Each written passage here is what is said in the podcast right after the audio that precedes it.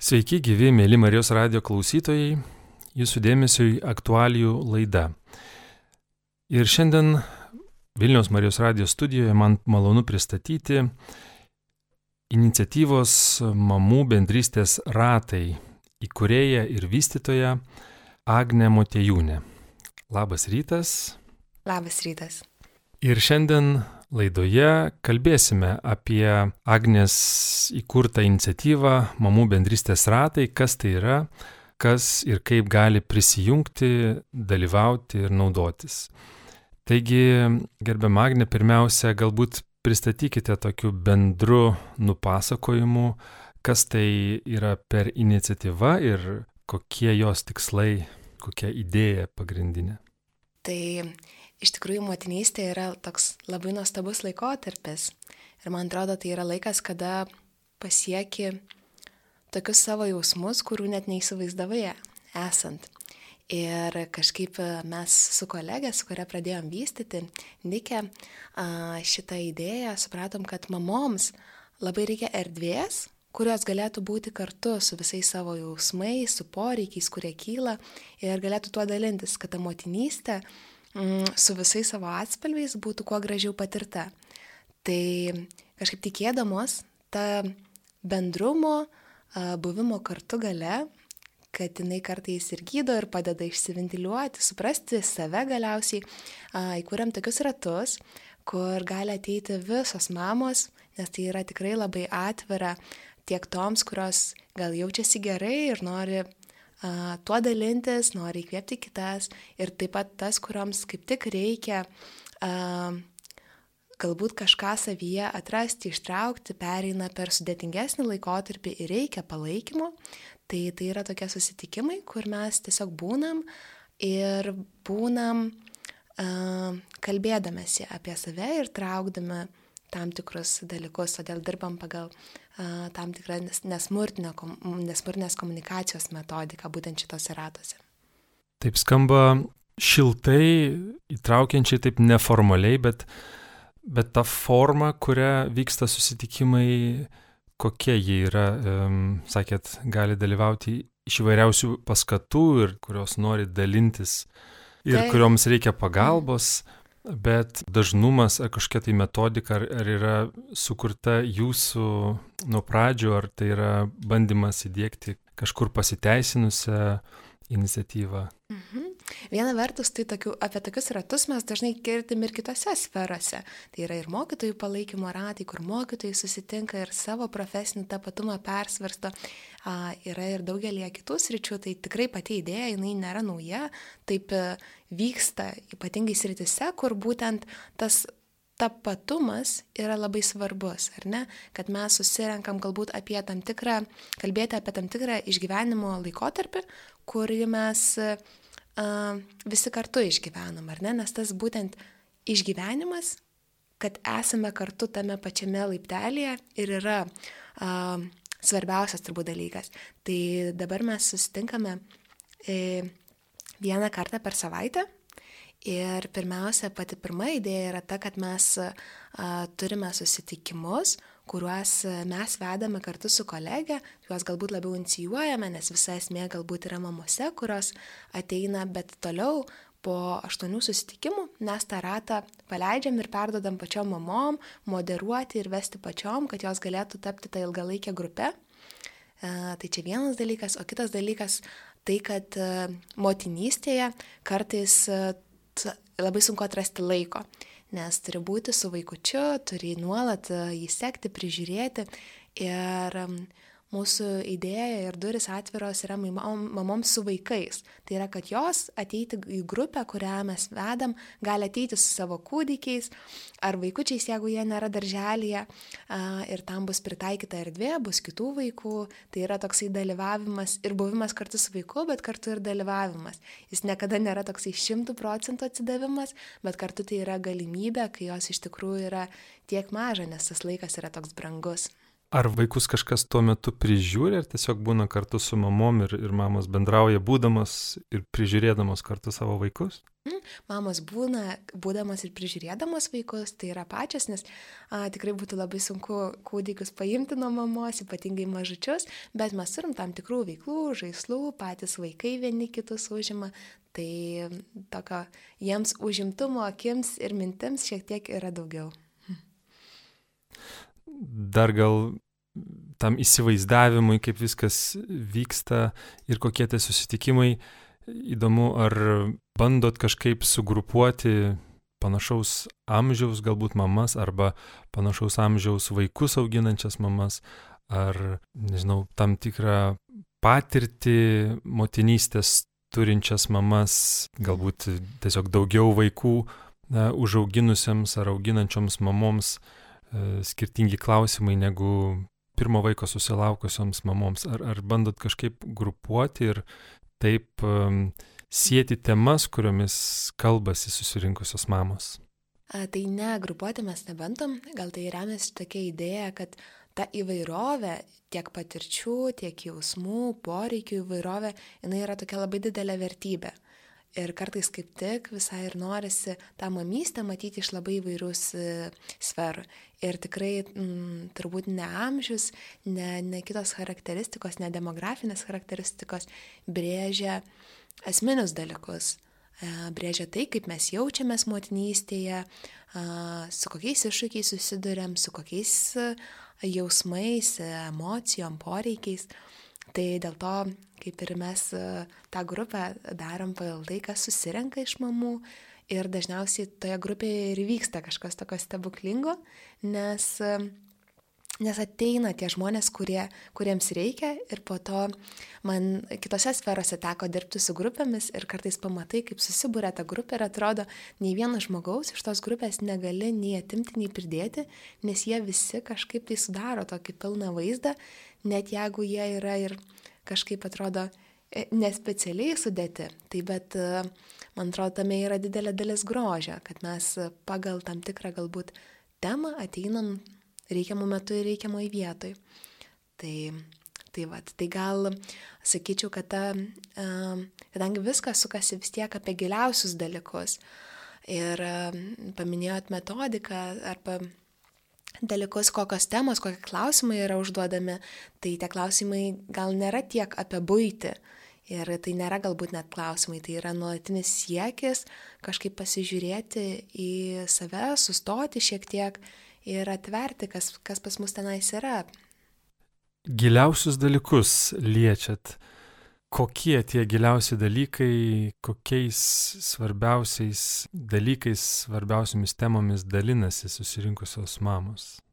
Tai aš pradžioje minėjau, kad mes e, daugiausia remiamės tokios nesmurtinės komunikacijos metodiką, kurios e, yra įkurėjas, būtent šitos metodikos vystytojas Maršalas Rosenbergas. Ir šita metodika labai daug kalba apie tai, kad mes visi turim bendražmogiškus poreikius ir esam apie tos poreikius. Viskas, kas pas mus kyla, kokius sprendimus priimam ir kaip gyvenam, tai yra apie tai, kas pas mus šiuo metu yra. Tie poreikiai gali būti patenkinti arba nepatenkinti, ar ne? Ir jeigu man, tarkim, trūksta poilsio, aš galiu jausti vienokius ar kitokius jausmus. Mes suvedam su tuo, kad jausmai, kurie mums kyla, yra dėl mūsų patenkintų arba nepatenkintų poreikių. Ir tie jausmai yra kaip, kaip tam tikrai indikatoriai, kurie mums gali pasakyti, tai kas pas mus per poreikiai. Tai va tie giliausi dalykai ir yra poreikiai. Ir tai gali būti labai labai įvairu. Aš paminėjau poilsio trūkumą, tai turbūt yra toks labai bazinis, ar ne?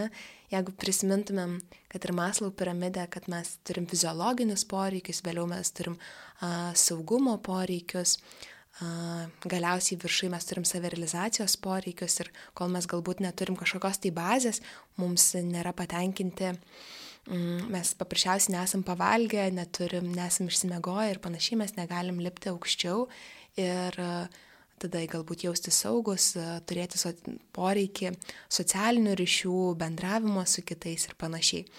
Tai ne visą laiką viskas yra taip hierarchiška, bet e, tam, kad apkapstytumėm, kas pas mus, gilumėjai, atūno, ko mes norim, ar mes norim kartais gal dvasingumą siekti, kartais mes norim bendrystę su kitais žmonėm, kartais mes norim pagarbos savo, kur ir tas poreikis gali būti nešamas galbūt nuo vaikystės. Aš vaikystėje labai norėjau būti nuolat priimta, nuolat suprasta ir įvertinta nes e, kažkuriuo etapu man labai svarbu to nepasiekiau ir visą gyvenimą, tarkim, dirbdama arba veikdama įvairiausias rytis, tą poreikį kažkur buvau pasidėjus arba tenkinau jį labai, labai paprastais būdais. Padarydavau kažką gero darbe, būdavau vertinta, padarydavau kažką gero mokykloje, gaudavau dešimtuką ir būdavo labai daug paprastų būdų. Ir tada ateina motinystė. Ir aš laiką sakau, kad motinystė turbūt atveria visą tą giliausią spektrą kas pas mus yra, su kuo mes ateinam, ką mes galbūt bandėm vienokiu ar kitokiu savo gyvenimo etapu, kažkur tais mm, paslėpti, greitai įveikti, padaryti kažkokią tais taktiką, kad tą poreikį patenkintumėm. Bet motinystėje viskas daug sudėtingiau, nes atsiranda kitas žmogus ir besalginė meilė jam ir tada tame santykėje išriškėja ir tavo pačios spektras ir tavo pačios galbūt visi uh, nuogastavimai, nerimai ir tas pats poreikis, tarkim, įvertinimo, jisai atsiveria ir turi susitikti su tuo, kas buvai galbūt vaikystėje, kodėl tas poreikis kilo, kvestionuoti, susipažinti su juo, apmastyti, kad galėtum visiškai naujai ateiti į santykių su savo vaiku. Ir dažnai kažkaip tam būna mažai laiko, atrodo, mes turime eiti paskui vaiką ir nuolat galvoti apie jį, bet kartais mums laiko sutaupo susitvarkymas dalykų ir harmonijos pas save, kad mes galėtumėm visiškai kitaip kokybiškai ateiti į tą santykį, kad nekartotumėm galbūt tų pačių klaidų, kurias, kurias nešėmės iš savo praeities. Tai kai miniu apie tos gilius dalykus, tai aš gal ir kalbu apie tokį supratimą ir gilį, kurį mes per gyvenimą išmokę bėgti, bėgti, bėgti, skubėti visur, kažkur paslėpėm, įveikėm jį paprasčiausiais būdais, bet taip ir nesusitikom su savim, nepažinom, kas tenais išlūkštenus ir nuėmus tuos keutus, galiausiai pas mus viduje yra, ko mes bijom, ko mes norim, kas yra tai, kas mus veda pirmin, dėl ko mes gyvenam ir panašiai. Tai turbūt, turbūt apie tai. Į mamų bendrystės ratus, sakėt, ateina mamos, kurios nori dalintis savo patirtimi, dalintis galbūt kažkokiam žiniom ar, ar, ar tai, kas pavyksta motinystėje. Ir taip pat, kur susiduria su problemomis mamos. Vis tik, ko yra daugiau, kokių moterų yra daugiau ateinančių? Ar daugeliui mamų ateinančių į jūsų bendrystės ratus motinystė yra problematiška ir tų problemų sprendimo būdų ieško pas jūs? A, žinot, jūs čia palėsite tokį klausimą, kuris apskritai yra labai įdomus. Tai ko apskritai daugiau toj motinystėje? Ar tų problemų, su kuriam tu susiduri, ar to, to tokių žinių, kur atsiranda ir to noko noro dalintis, tai man atrodo, čia yra labai apie tai ir tai. Ir nežinau nei vienos mamos, kuri nebūtų susidūrus su iššūkiais ir sakytų, nu, man tai motinystė yra, nu, tokia lengva ir aš, nu, kažkaip einu ir slystu per tą motinystę. Nes jinai vis tiek atveria a, tam tikrus iššūkius. Ir, bet kartu tai ateina su dideliu žinojimu. Tai man atrodo, čia toks labai vienas kito papildymas. Ir kartais kuo tu daugiau iššūkių įveiki, tuo daugiau paskui kažkokiu tais patirčių, kuriam norisi dalintis. Ir visgi aš sakyčiau, kad daugiau ateina su siekiu įveikti tą galbūt sunkumą, kuris kartais ateina. Nes kuris būtent šitame etape ateina pas mamas, kuriame jos yra. Vienams tai yra pradėjus motinystę, kitams tai yra galbūt pagimdymo, kitams tai yra galbūt neštumo laikotarpis. Kuris sukelia daug jausmų ir nerimo. Tai tiesiog su tom mintim, su galbūt jausmais, kurios, kurie mums parodo, kad yra kažkas spręsti, tai su jais norisi būti kartu su kitom mamom, nepasilikti vienom. Nes tikriausiai sunkiausias dalykas yra vienatvė motinystėje, kai tu susiduri su iššūkiais, bet lieki viena. Tai ta turbūt žinutė, kurią mes labiausiai ir nešam, kad nereikia būti vienom. Ne tokia buvo mūsų prigimtis būti vienom, ne, kaip sako ar ne, kad viso kaimo reikia išvaginti vaiką. Ir turbūt tas visas kaimas yra ne tiek kartais apie vaiką, bet kiek apie mamą, kuriai reikia dėmesio, kuriai reikia būti suprastai, kuriai kažkas turi patvirtinti, kad tikrai viskas su tavimi yra gerai ir tai, per ką tu eini, nėra lengva, tai, tai yra iššūkis ir kad ir mums tai buvo. Ir aš taip kartais sakau, kad nežinau, ar kažkas yra dar tokio paveikaus, kaip kad uh, kai tu eini per tam tikrą situaciją ir ateini dalintis, pasidalinti su žmogum, kuris irgi per tą pačią situaciją ėjo ir jis tau gali net nežodžiai ir pas tave, tarkim, stovi gumulas gerkliai, nes tu negali įvardinti, kaip tu jautiesi, kas pas tave vyksta, kas yra, ir tu susitinki su kitu žmogu ir tu matai iš jo akių, kad jisai ėjo per labai panašią situaciją, kad jisai irgi pragyveno, kad jisai tikrai supranta, kokiam gylyje tai esi ir su kuo susidaroji. Ir čia kartais net ne žodžiai, kurių reikia, tai yra žvilgsnis, prisilietimas, matymas ir žinojimas, kad tave supranta, tu esi ne viena. Tai va tas, man atrodo, yra labai svarbus, ta vienatės tokia įveika. Mėly Marijos radio klausytojai, primenu, kad šiandien laidoje su Agne Motėjūne, mamų bendrystės ratų įkūrėja ir vystytoja kalbamės laidoje apie šią iniciatyvą, mamų bendrystės ratus. Agne, norėtųsi, vat, paminėjot, kad tam tikros situacijos, jų įveikimas ir dalinimasis jomis padeda. Tiesiog įdomu būtų, gal jūs ir galit kažkaip išskirti pagrindinės kažkokias situacijas, sunkumus, iššūkius motinystėje. Paminėjot polsio trūkumą, pervargimą. Ką dar būtų galima išskirti, kas yra dažna, kad galbūt ir dabar klausančios mamos galėtų atpažinti, kad tokią problemą, tokį iššūkį, tokią situaciją ir aš patiriu, ir jeigu tai yra dažna, tas e, skatinimas nelikti vienoms, taip pat kažkaip galbūt e, labiau išgirstas būna, kai atpažįsta tas situacijas ir, ir, ir žino, kad galbūt bendrystės ratai galėtų būti ta vieta ateiti tomis situacijomis dalintis ir jas spręsti. Taip, tų situacijų iš tikrųjų yra labai daug. Paminėjau aš tą poilsio trūkumą, nes man atrodo toksai dažnas, kurį, kuris labai apjungia dalykus, ar ne, bemiegės naktis, nuolatinis žiūrėjimas vaikučio, nuolatinė iš tikrųjų atsakomybė, kurią tu jauti. Ir jinai yra 24 valandas per parą, nes tu esi nuolat atsakinga už kažką. Ir net jeigu vaikas labai ramiai žaidžia, tu vis tiek esi atsakinga už jį. Tai e, turbūt tas jausmas yra nuolatinis, nuo kurio negalima pasimti atostogų ir, um, ir tas kartais iškelia į paviršių labai daug kitų uh, jausmų ir poreikių, kuriuos aš minėjau. Tai viena vertus yra uh, klausimai ir galvojimas apie savo tapatumą mamai. Mm, tai kas aš esu kaip mama? Aš esu nuolat apie vaiką, bet kaip aš egzistuoju pati. Uh, kokie galiausiai, kokie mano poreikiai, kokie mano jausmai, kokios mano vertybės, ką aš pasakysiu vaikui apie savo vertybės, kai jisai pradės klausinėti.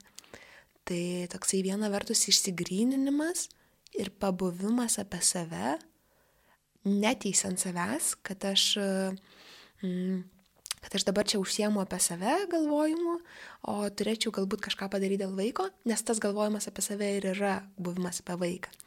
Tai vad man atrodo, mm, tas e, iššūkis dar vienas, kuris kyla, tai yra toksai uh, dažnas priekaištas savo kad aš netam skiriu laiką, va, aš nesu tobuliausia mama, aš e, netaip darau galbūt valgyt, mano vaikas nemiega, mano vaikas tiek serga ir daug tokių situacijų, kur mamos tikrai pradeda galvoti, kad nu, kažkas su manimi yra negerai.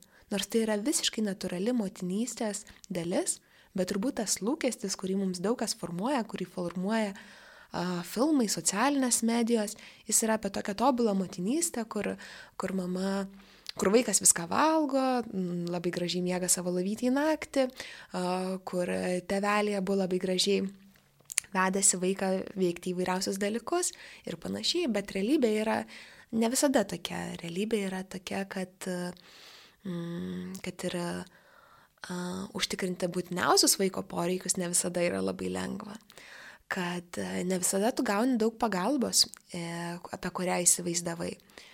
E, ne visada ta pagalba yra iš tavo aplinkinių, kuriuos tu tikėjai, kad, kad jie bus šalia.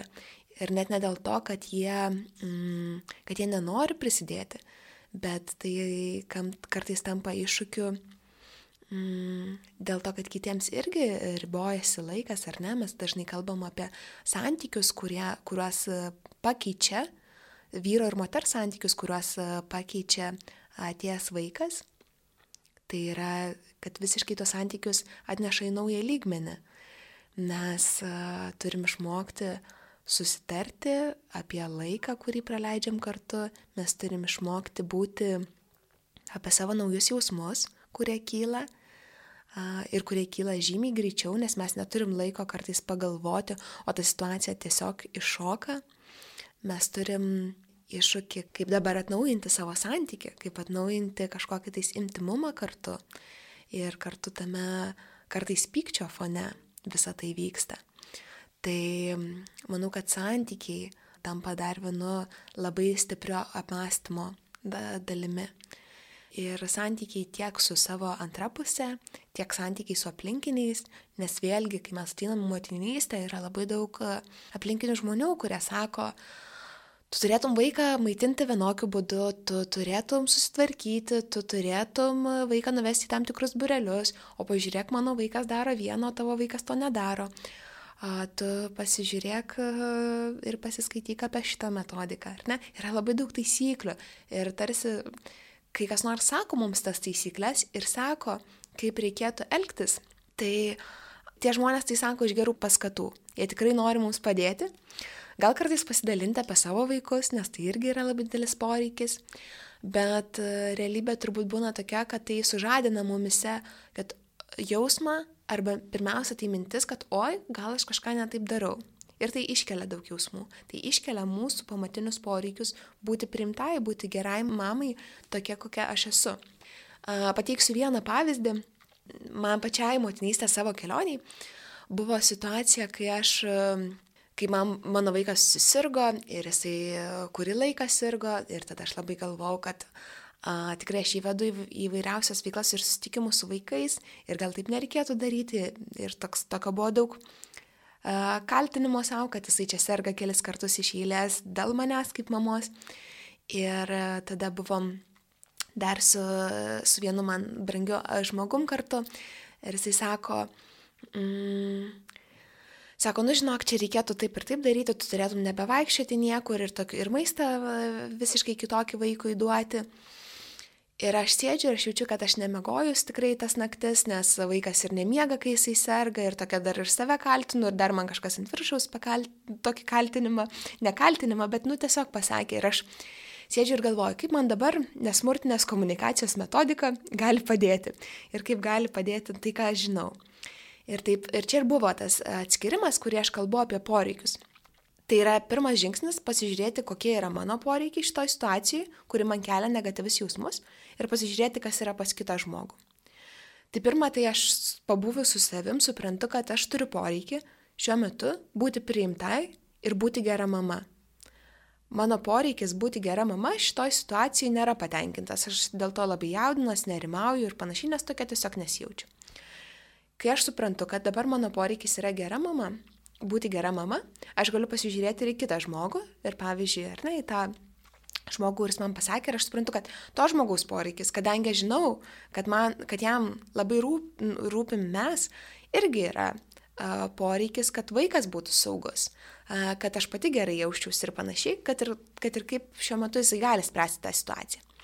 Ir tada, kai aš žinau šitus du poreikius, aš galiu vėl susikoncentruoti, man nebelieka viena vertus pykčio kitam žmogui, nes aš suprantu, kad tai, ne, tarsme, kad tai tas žmogus iššūkia mano, mano emociją, bet tai nėra piktybinis veiksmas. Ir apskritai aš manau, kad neegzistuoja tokie piktybiniai veiksmai. Ir būtent šita turbūt metodika, nespurtinės komunikacijos, apie kurią kalbu, jinai e, yra tokia, kad mes, ne, mes tikim, kad iš principo visi žmonės yra geri. Tai dėl ko mes padarom dalykus, kaip ir šitoj situacijoje ir iššūkiam kitiems žmonėms, nebūtinai, mm, nebūtinai tokius džiaugsmingus jausmus, tai yra dėl to, kad mes turim savo poreikius ir galbūt tam tikrais būdais komunikuojam juos. Bet grįžtu prie savo situacijos, kur aš suprantu, kad mano poreikis yra būti e, gera mama. Ir viena vertus, jeigu aš būčiau įstikinus, kad dabar šitą poreikį savo patenkinti galiu tik vienu būdu, kad šitas žmogus man pasakytų, jog aš esu ir taip gera mama, tai aš tada taip įsispiriu ir tą situaciją, toj situacijai padarau dar daugiau įtampos. Aš kaip ir reikalauju žmogaus daryti to, ko jisai nesupranta ir šiuo metu irgi negali, nes turbūt yra įtampoje. Bet jeigu aš grįžtu prie savo poreikio, būti gera mama ir sakau, kad, nu gerai, kokių dar yra strategijų man šitą poreikį patenkinti? Gal aš galiu kitos savo draugės paprašyti įvardinti man dešimt priežasčių, kodėl esu gera mama. Gal aš galiu savo mamai paskambinti ir paklausti, tai kokia aš esu. Gal aš galiu su savim pasikalbėti ir nusiraminti ir įsivardinti dalykus. Gal aš galiu su kitom mamom pasikalbėti, gal aš galiu pasiskaityti kažkokius tai dalykus. Ga, ir galiausiai prieinu prie išvados, kad tam, kad patenkinčiau savo šitą poreikį, tikrai šita situacija nėra vienintelė, kuri dabar turi baigtis tokiu būdu, kokiu aš norėčiau. Aš atsitraukiu ir esmę pasilieku prie savo poreikio. Tai lygiai taip pat yra labai labai daugelį situacijų, kai mes kalbam pavyzdžiui apie santyki, mm, poros santyki, kur mes irgi uh, susidurėm su poreikiu, tarkim, pradedam vienas su kitu kalbėti tam tikroje įtampoje ir tu supranti, kad tavo poreikis šiuo metu yra ramybės. Tiesiog nusiraminti, susidėlioti savo viduje, pabūti vienai tuo metu labai aišku, kad tai gerai man šiuo metu 10 minučių pasivaikščiojimas sugražintų mane uh, į vietą ir aš galėčiau visiškai kitaip ateiti į dialogą. Tai vėlgi, man atrodo, tas vat, susijungimas tuo, kas pas mane šiuo metu vyksta, yra labai labai svarbus. Tai šie pavyzdžiai jūsų nupasakoti ir yra nesmurtinės komunikacijos metodikos esmė, teisingai. Taip, turbūt, kad Taip, jinai žymiai, žymiai platesnis dalykas, bet turbūt kaip tai gali pasireikšti tokioj realioj būtyje, tai čia yra vieni iš tokių pavyzdžių. Skamba kaip, nu, reikia turėti tokį įgūdį, nes situacijas, kurias nupasakojot, dažnai būna staigios, išnyra, įvyksta ir sustoti, pagalvoti, kokios aš čia turėčiau imtis strategijos, kur mano poreikiai, kokie jie, kokie žmogaus, su kuriuo kalbu poreikiai ir taip toliau, tai tikrai tai sunku padaryti akimirksniu, to reikia tikriausiai mokytis. Ar jūsų mamų bendrystės ratuose vyksta kažkoks, kažkokios, nežinau, treniruotės ar, ar stengimasis būtent šitą metodiką, būtent taip e, priimti situacijas, yra kažkoks mokymasis to? Taip, iš tikrųjų, būtent nesmurtinės komunikacijos metodikos tai yra mokymasis ne teoriniu, o praktiniu būdu. Ir aš pati, kai šitos technikos mokiausi iš tokios švedės Marian Gotlin, jinai buvo atvažiavus ir kartais atvažiuoja visi į Lietuvą mokyti, tai supratau, pirmą dieną jinai pradėjo vesti tos mokymus, mes buvom išvykstamajam tokiam seminarė ir jinai teoriškai pasakojo visus dalykus. Ir aš sėdžiu ir galvoju, nu tikrai, labai teisingai kalba, tikrai viskas taip yra. Nu tai čia viskas man taip yra aišku, tai aš visą laiką galvojau, kad taip yra. Ir tada jinai mums išdalino praktinius lapus ir sako, nu va dabar paimkite šitas situacijas ir praspręskit, koks čia būtų poreikis, koks čia stebėjimas, kaip čia viskas. Ir aš sėdžiu, žiūriu į tos lapus ir suprantu, kad aš nežinau, kaip, ta prasme, kaip tą daryti, tai koks šitas poreikis, kodėl čia taip, kaip tą paversti kaip e, nepulti iš karto vertinti, o bandyti stebėti, kas čia įvyko.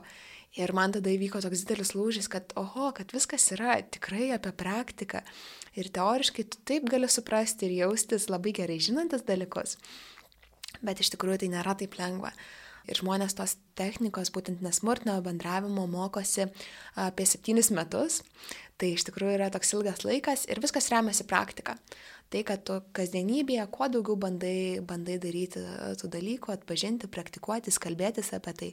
Tai tikrai mami, mūsų mamų bendrystės ratuose mes tengiamės būtent šitą techniką irgi e, kalbėtis, būti ir panašiai. Ir aišku, mes, mes siekiam tokio paprastumo tame, o ne kažkokios aiškios technikos, kurią tu dabar sėdi ir mokaisi kaip universitete. Mes norim daugiau atnešti tokio buvimo, buvimo galbūt su kažkokiam tais gairiam, kurias mes pačios esame išmokusios, bet labai nenorim iš tus ratus atnešti tokio spaudimo. Nes uh, gali būti, kad ateis mama, kuri tiesiog norės visą laiką uh, sėdėti ramiai, pabūti su savo vaikučiu ir tiesiog paklausyti nepasakyti per visą susitikimą nei žodžio, tiesiog pabūti. Ir mes esam ta erdvė, kur tokia mama gali ateiti.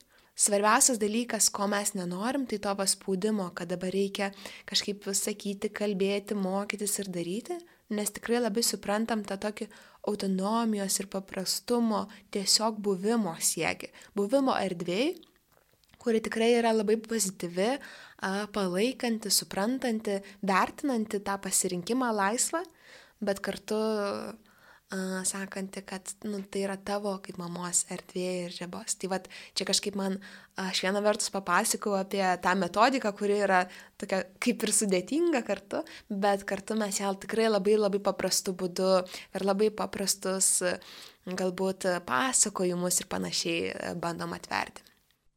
Jūsų būriami, organizuojami mamų bendrystės ratai šiuo metu vyksta Vilniuje Švento Jono vienuolino bendruomenėje, vienuolino patalpose. Ar e, tikėjimo klausimai kažkaip gvildenami, kai susitinka mamos? Paminėjot, kad tikrai temos plačios, e, klausimai gilus, giliausi dalykai, kaip, kaip e, minėjot, aptariami ir liečiami. Ar tikėjimo klausimams ten yra vietos, ar jie vyrauja ir, ir ar jie yra svarbus susirinkusioms mamoms? Tai mums turbūt svarbiausia yra klausimai, kurio, kurie kyla pačioms mamoms. Ir tikėjimas, dvasingumas yra vieni iš tų pačių poreikių, apie kuriuos aš kalbėjau. Jeigu mamos ateina su tais klausimais, kuriems e, prieiti visgi reikia laiko ir vietos, gal kartais pirmą mes kalbam apie tuos paprastus dalykus, apie tai, kad mes uh, norim susitvarkyti savo būti, santykius ir panašiai ir galiausiai tada prieinam prie tai, o kas man yra tikėjimas, kas man yra dvasingumas, kaip aš, kaip mama tą patiriu, kaip naujai aš tą patiriu, nes aš naujai supratau gyvybę, naujai uh, prisiliečiau prie dalykų, atvėriau savo kažkokių jausmų gilį. Tai tas, tas, kas ateina mamoms, su tuo mes labiausiai ir esam.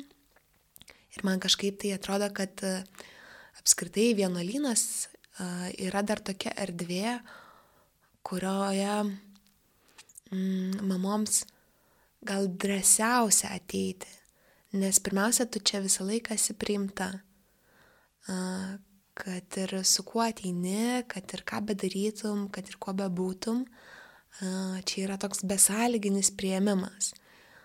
Tai man atrodo, va, su kuo gali sėtis tas tikėjimas ir net net nesvarbu, ar mama, kuri pasirinko pas mus ateiti, iki tol buvo tikinti ar nebuvo tikinti, bet uh, turbūt siekis yra tai, kad jinai jaustų, jog šitoje erdvėje jinai bus besalgiškai priimta.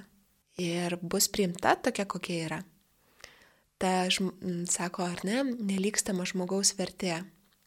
Man atrodo, čia yra nu, vat, labai tas bendrumo taškas, apie kurį mes kalbam. Uh, kad žmogus yra vertingas nepaisant savo darbų, veiksmų, dalykų, kurias daro motinystės, kurioje yra ir viso, viso ko. Tu tiesiog esi vertingas ir pajausti šitą dalyką. Man atrodo, čia ir yra toks gal susiliejimas ir su tikėjimu kartu. Ir su tuo, su tuo, kas tampi, kuo tampi toje motinystėje. Tai, tai va, tai turbūt ta erdvė, mums, kurioje mes renkamės ir Jonitų vienuolynas, jisai visgi leidžia mums prisiliesti prie, prie gilesnių dalykų. Kaip keičiasi mamų gyvenimai tarpusavio palaikymo tokiuose grupėse, nežinau, gal kažkokių atsiliepimų, liudijimų yra, kaip paveikė, kaip padėjo susirinkimai tokia forma. Aš gal daugiau pateikčiau pavyzdžių iš kitų grupių, nes e, daugiau uh, žinau, kaip veikia tai mokytojų palaikymo ratuose, kurie buvo uh, inicijuojami ir daromi, tai kad tikriausiai tos grupės, kurios lanko tuos susitikimų eilę ir toliau sukuria savo grupę, toliau palaiko, tampa kartais grupėmis neatskiriamomis jau ir metams, ir ilgesniam laikotarpiu.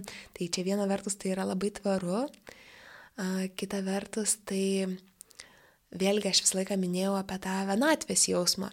Ir atrodo, mm, viena vertus atrodo sakyti, kad aš jaučiuosi vieniša, nu gal taip nebūtų teisinga ir daugelis mamų, nu gal nesijaučia visiškai vienišos, nes va, gal ir šeima aplinkui yra ir panašiai, bet aš kalbu apie vienatvę mm, tam tikroje situacijoje, tam tikrame jausme, kad pavyzdžiui, nu va, aš nesijaučiu suprasta šito klausimu, nesijaučiu, kad kažkas e, iš tikrųjų atliepia tai, ką aš gyvenu, per ką aš einu.